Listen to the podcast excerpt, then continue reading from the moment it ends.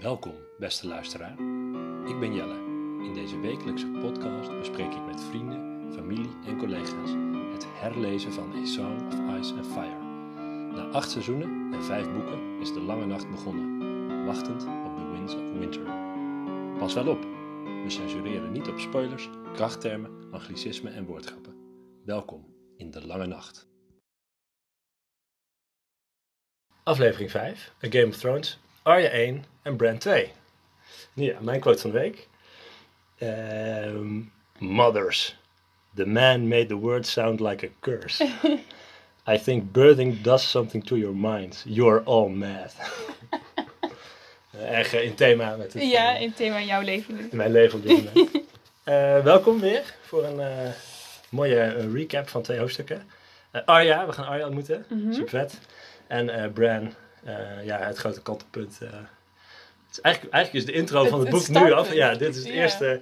Met eh, hoofdstuk Bran 2 is zeg maar de introductie van het, eh, van het boek eigenlijk een beetje. Ja, af, dit zijn dus in de vijfde week van de podcast is dit eigenlijk nog maar de pilot is allemaal- aflevering ja, echt, van het eerste seizoen. Het is allemaal introductie. Dat valt me ook echt op nu aan het lezen. Dat je, Ja, Al die hoofdstukken zijn allemaal heel erg algemeen.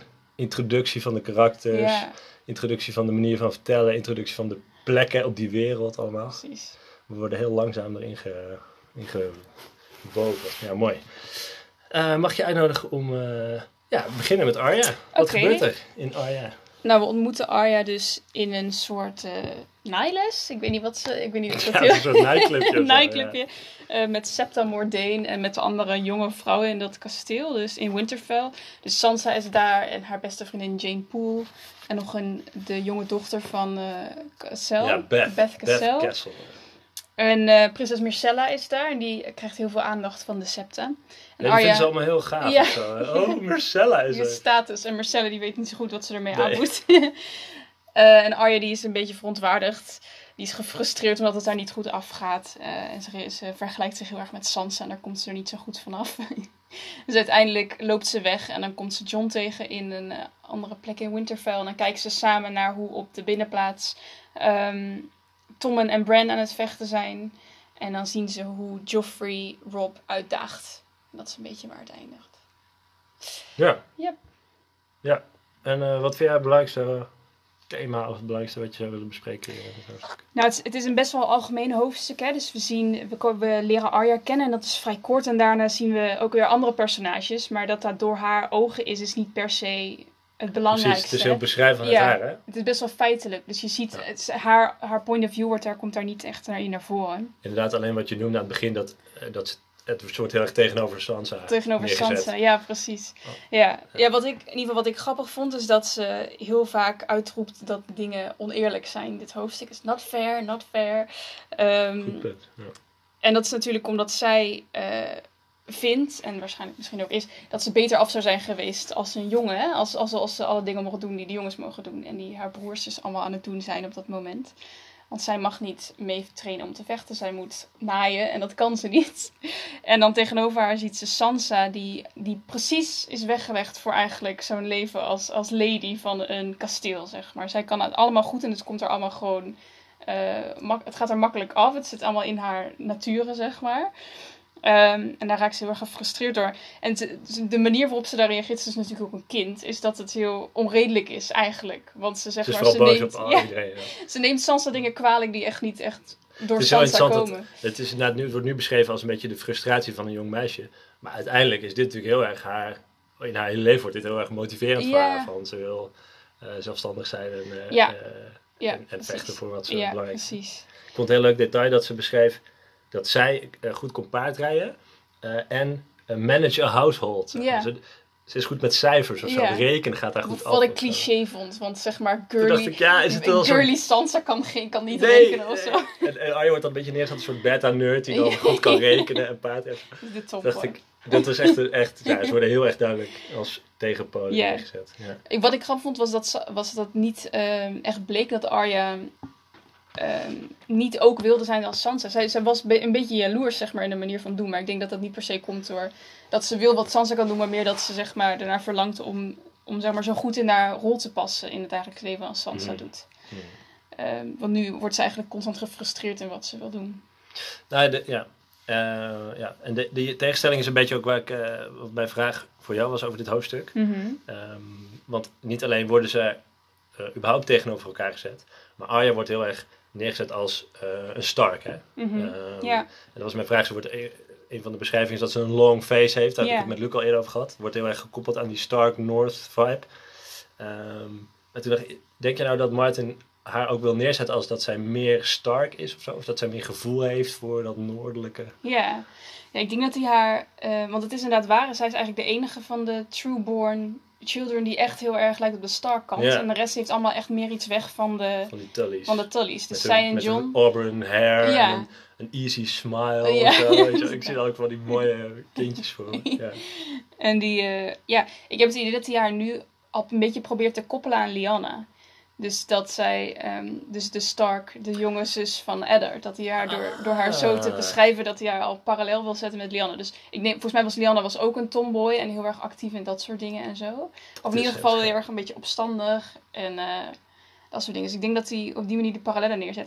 En ik, hebben wij het hier al eerder over gehad? Jij hebt natuurlijk gelezen wat de eerste draft was van, ja, van die Martin. oertekst. waar- Ja. ja. En daarin beschrijft hij dus dat hij aanvankelijk eh, aan het plannen was om ehm, Arya en John een koppel te maken. Wat incestueus is, maar in ieder geval. Ehm, dus misschien al, Dat is dit nog een beetje... komt dit nog een beetje uit de oude tekst. Dat, Dat zij, is dat ze een dat is beetje het. zo... Goeie, ja. ja, dat je hen samen neerzet in ieder geval. Ja, en, en die parallel met Liana is natuurlijk niet eh, gek om dat eh, Nee. te doen. Nee, Nee. mooi, scherp. Ja. Eh, nou, nog een aantal andere dingen die, we, die ons opvielen.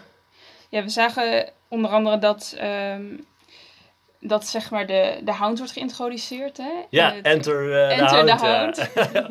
ook weer super zuur. Ook zo, ja, ja, ik was al twaalf toen ik mijn eerste mens vermoordde. En dat was niet met een bot. Ja. Yo, dat je echt denkt, wow, wat de fuck is dit?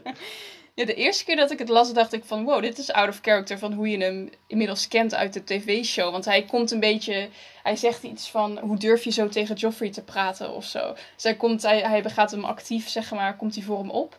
Eh, en dan suggereert hij dat ze gewoon met eh, scherpe zwaarden moeten gaan vechten, hij en Rob, in plaats van met oefenzwaarden of toernooizwaarden. Ehm, maar achteraf dacht ik, oh, hij wil gewoon eigenlijk, eigenlijk wil die Joffrey zien bloeden. en Oh, dat zou ook goed dat krijgt hij ja. op deze manier voor elkaar Ja, natuurlijk. en ik denk ook dat nu we hem inderdaad weten dat hij zeg maar, intrinsiek wel een soort van goed persoon is. Of in Ja. ieder geval een soort goede keuzes maakt. Ja.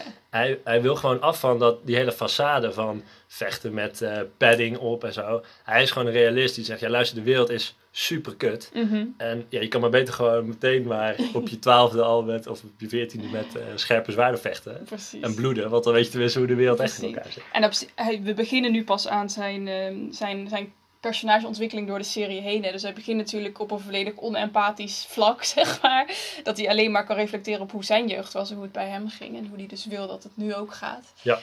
Ehm, en daar komen er nog heel veel eh, ontwikkelingen bij.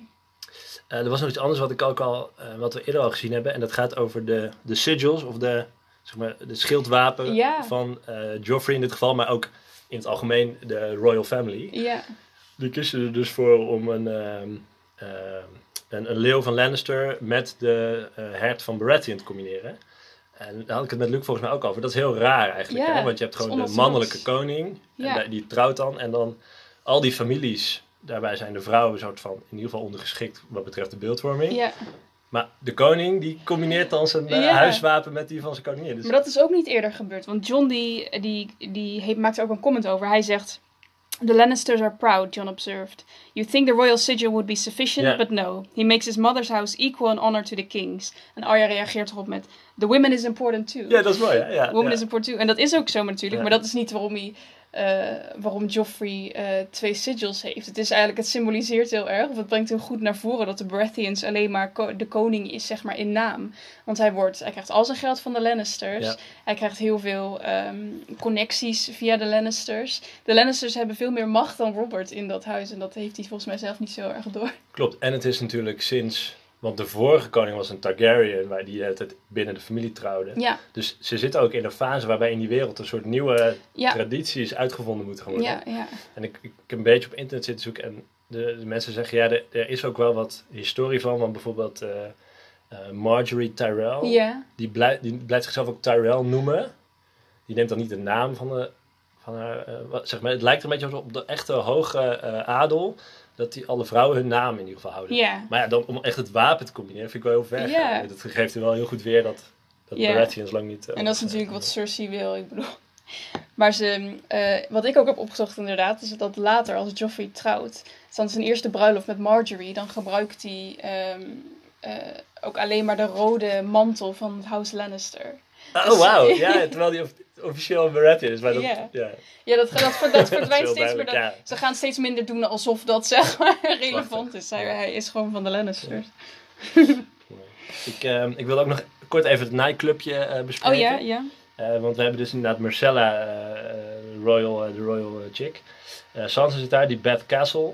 Ehm, dat is dan de dochter van, ehm, eh, van Roderick Castle. En dat is de Master at Arms, zeg maar de trainer, de hoofd van de trainingsfaciliteit. Ja. Ehm, maar die heeft verder, die zijn niet, niet heel belangrijk. Nee. Maar Jane Poole, die zit er ook bij, goede vriendin van Sansa, die wordt heel belangrijk. Ja, ja. Ehm, zij is de dochter Helaas van. Vajon Poole.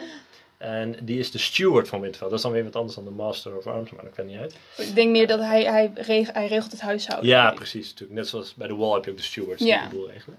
Ehm, en, eh, maar zij gaat mee uiteindelijk naar King's Landing. En alles wat zij gaat meemaken, dat gaan we herkennen uit de serie. Want wat de dingen die Sansa meemaakt, namelijk uitgehuwelijkd worden aan de Boltons, in die toren zitten, eh, op verkrachtingen en eh, geweld. Dat gaat Jane Poole allemaal Dat meemaken. Poole ja, allemaal dus hebben we dat in de serie gecombineerd. Ja. Ehm, maar dat, is, eh, dat gaat Jane Poole allemaal doen. Dus die wordt ook wel fake Arya genoemd. hè. Arme Jane Poole, ja. Ja, ja, die wordt als. Oh, dat is ook wel interessant, want die wordt in het boek dus.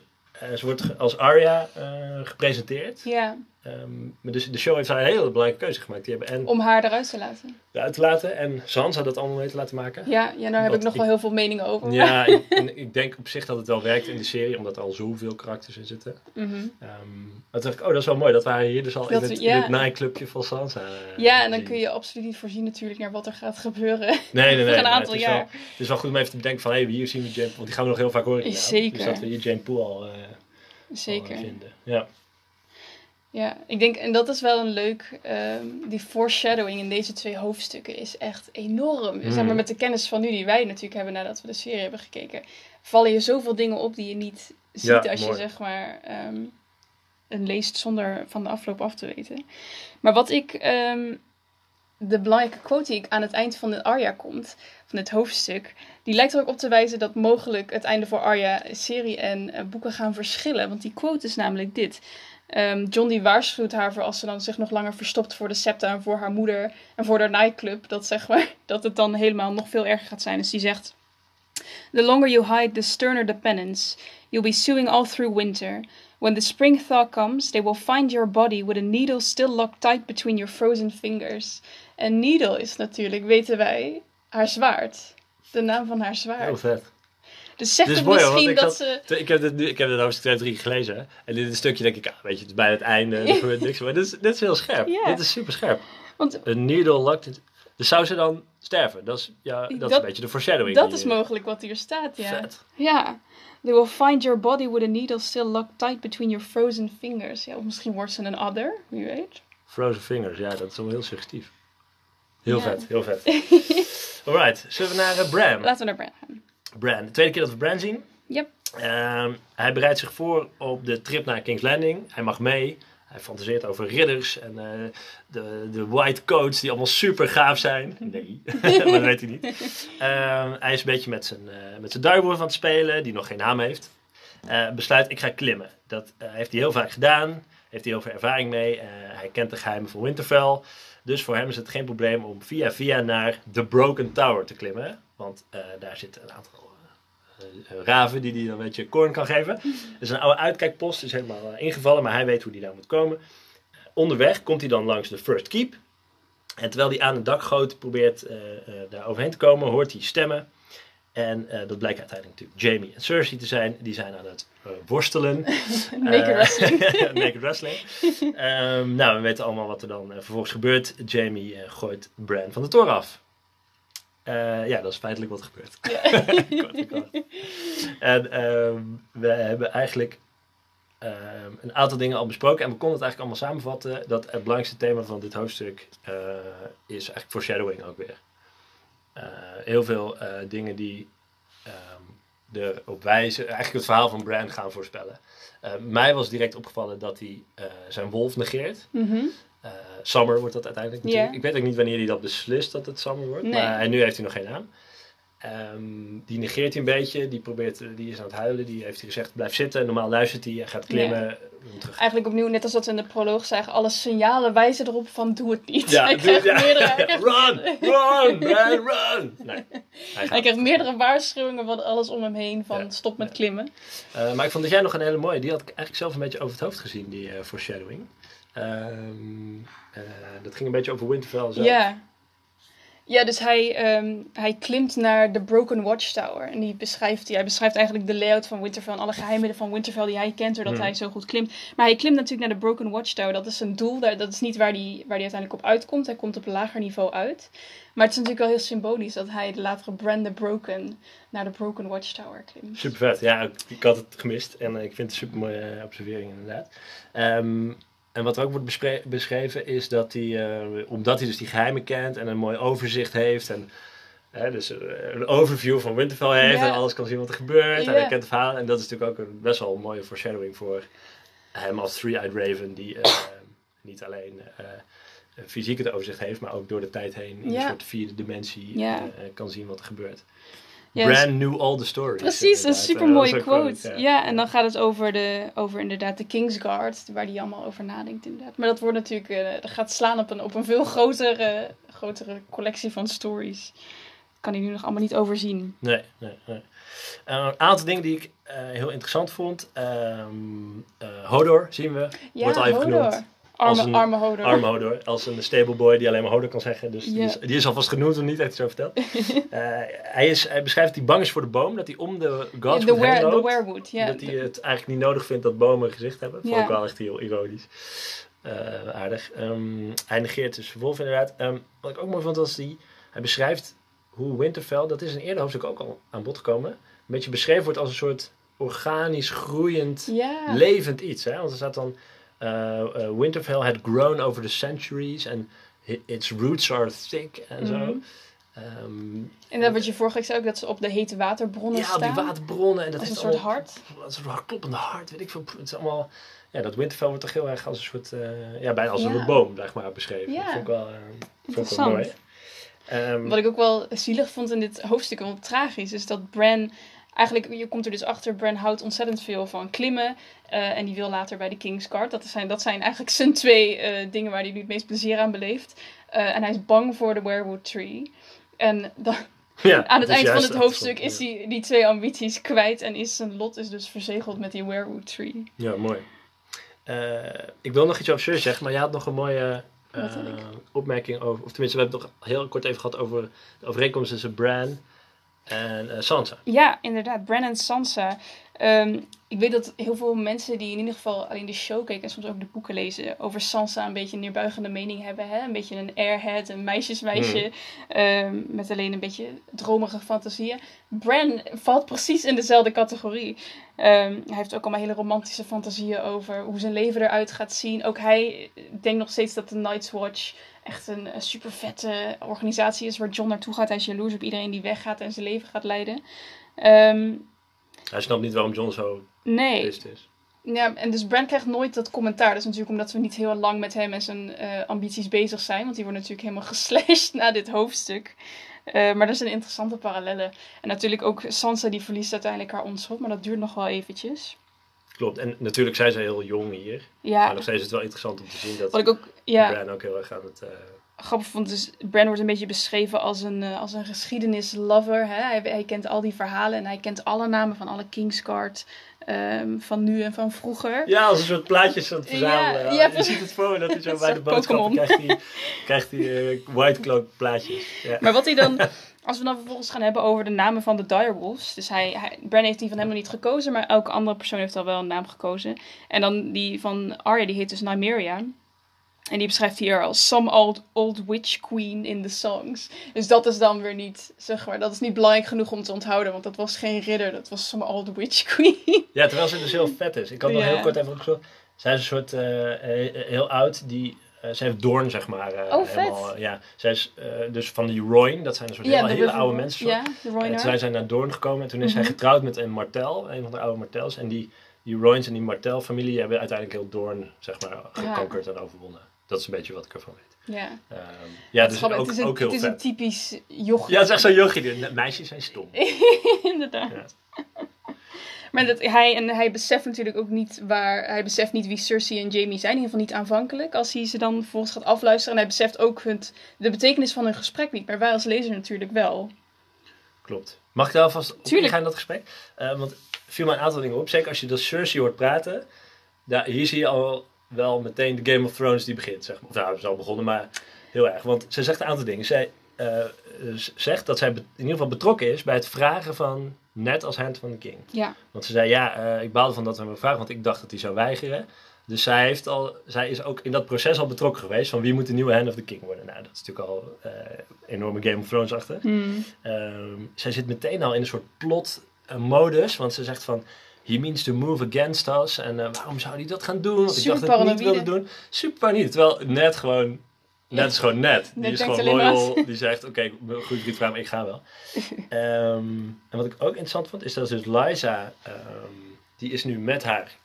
Met, met Robin. Haar, eh, of eh, Robert is dat natuurlijk. Ja, in Haar ja. kleine Robert. eh, in de Erie, in haar hometown, zeg maar. Mhm. Ehm, en dat vinden zij een probleem, want hun plan was om die Robert bij de Lannisters als squire op te leiden. Maar zij geeft hier toe dat dat eigenlijk een soort gijzelingsactie was om Ja. Lysa stil te houden. Ze zegt, ja. ehm, eh, zodat Lysa stil blijft, want ze weet haar oudste zoon is een soort gevangene van de Lannisters. Mhm. Dus als zij iets aan bewijs heeft, dan houdt ze dat waarschijnlijk stil. Toen dacht ik, oh man, daar is, dus ja. en in het verlengde daarvan heeft Martin daar ook, heeft George Martin erover nagedacht. Maar dit is dus nu al, allemaal is het al helemaal verbonden, zeg maar. Met die paar kleine dingen die er gebeurd zijn, eh, geeft Cersei toe, ja, nee, eh, Robin moest als gijzelaar naar ehm Casterly Rock om daar Eliza weer stil te houden. Super grappig. Ja. En ehm, ik Ja, vond het mooi. En ik vond het opvallend dat Jamie eigenlijk een beetje, die vindt het allemaal prima. Ja, die gewoon, bol. eh, ja. Maar wat grappig is, is dat je dus in de. eh, wat mij bij was blijven hangen, is dat Cersei pas echt vijandig wordt op het moment dat, dat Ned dus aan haar kenbaar maakt dat hij weet dat haar kinderen Lannisters zijn en geen Baratheons. Maar eigenlijk hier lees je dus dat ze nu al zeg maar in een soort aanvalsmodus Ja. ging, omdat ze dus niet vertrouwt waarom Ned komt. Waarom Ned mee naar de capital gaat. Terwijl dat is natuurlijk weer tragisch, want Ned wil niet, maar die gaat omdat Catelyn anders voorziet dat er iets Het fouts gaat het, gebeuren. Het zit nu al Het is in een enorm helemaal- netwerk van ja, elkaar niet vertrouwen en elkaar Ja, en misverstanden en dergelijke. Ja. En Cersei is nu al hartstikke bang voor wat er met Joffrey gebeurt. En het Dat- interessante is nou, is, is zij nou een beetje paranoïde en, of, of is het wel reëel dat ze zo... Nou ja, ze, heeft natuurlijk, ze, ze begeeft zich in een ontzettend gevaarlijke positie met die affaire die ze heeft met Jamie. Ja, en ze heeft een aantal keuzes gemaakt in het verleden die, die ze nu probeert ja, te ze, ze doet alles om, om die keuzes te beschermen, inderdaad. Ja. En dan is natuurlijk, uiteindelijk is haar nog voorspeld dat al haar kinderen gaan sterven. Dat Ja, gaan kom, precies, in, die, ja, in de Dus zij heeft, een profetie. soort, zij heeft een soort altijd aanwezige angst en daarbij een soort streven om... Zij wil eigenlijk ook man zijn natuurlijk. Dat heeft, Ja. dat heeft ze wel weer gelijk met Arya. Ah, wel dat is waar, dat is inderdaad. Ehm, dus zij is en, en niet tevreden met zichzelf en ze is bang dat de kinderen... dat- Zij heeft best wel een complexe persoonlijkheid, zeg maar. Zeker, maar dat brengt bij haar het allerslechtste naar boven. Ja. En uiteindelijk gooit Jamie dan uh, Bran van de toren. Dat is wel weer... heel- Ja, het laatste wat daar nog wel leuk is. Jamie is inderdaad een beetje blasé. Die heeft zoiets van, eh, hou je mond, we doen dit gewoon. Ehm, maar het laatste op, op het moment dat hij eh, Bran uit de toren gooit... dan spreekt hij met loathing. En dan hij dus een beetje met haat en met verachting. En dat gaat denk ik, slaat dat niet op Bran, maar op zichzelf en eigenlijk ook op Cersei. Dus op dat moment haat hij denk ik, zeg maar, wat hij moet doen voor Cersei... om wat zij hebben te beschermen. Nice. Dus misschien begint hier ook al bij hem een beetje te groeien van dat hij dit niet volhoudt, zeg maar, op deze manier. Dat het niet is wie hij wil zijn. Mooi. Zo. Ik denk dat het tijd wordt om afscheid te nemen. ja. Het is tijd om afscheid te nemen. Heel erg bedankt voor het luisteren naar De Lange Nacht. Meer informatie over onze podcast, de show notes en linkjes naar onze bronnen zijn te vinden op Tumblr via delangenacht.tumblr.com. De muziek voor deze podcast is gemaakt door mijn broer Giel. En deze podcast wordt volledig mogelijk gemaakt door jullie, de luisteraars. De makkelijkste manier om ons te steunen is het delen. Deel de podcast met familie, vrienden, collega's die Game of Thrones lezen. Eh, via Twitter of Instagram, allebei, De Lange Nacht. Persoonlijk berichtje werkt daarbij natuurlijk het best. Tag ons in sociale media, een appje naar je collega's of bel je vrienden eens een keer. Je vindt ons op Spotify, Google, iTunes, Stitcher, nog een heel aantal andere platforms. Uh, we nodigen je hard uit om via de e-mail te reageren met vragen, opmerkingen of suggesties, dingen die we vergeten zijn, via delangenacht.gmail.com. Mijn volledige naam is Jelle Zwaag. Ik ben te bereiken via Twitter, Facebook, Instagram, LinkedIn en via jellezwaag.gmail.com. Uh, nogmaals bedankt voor het luisteren. Volgende week uh, bespreek ik met Koen, Tyrion 1 en John 2. Super vet. Nina, slaap lekker vannacht. Met welke quote wil jij ons uh, de Ja. lange nacht insturen? Toch met de klassieker, toch met de klassieke Jamie quote. The things I do for love. Ja, mooi.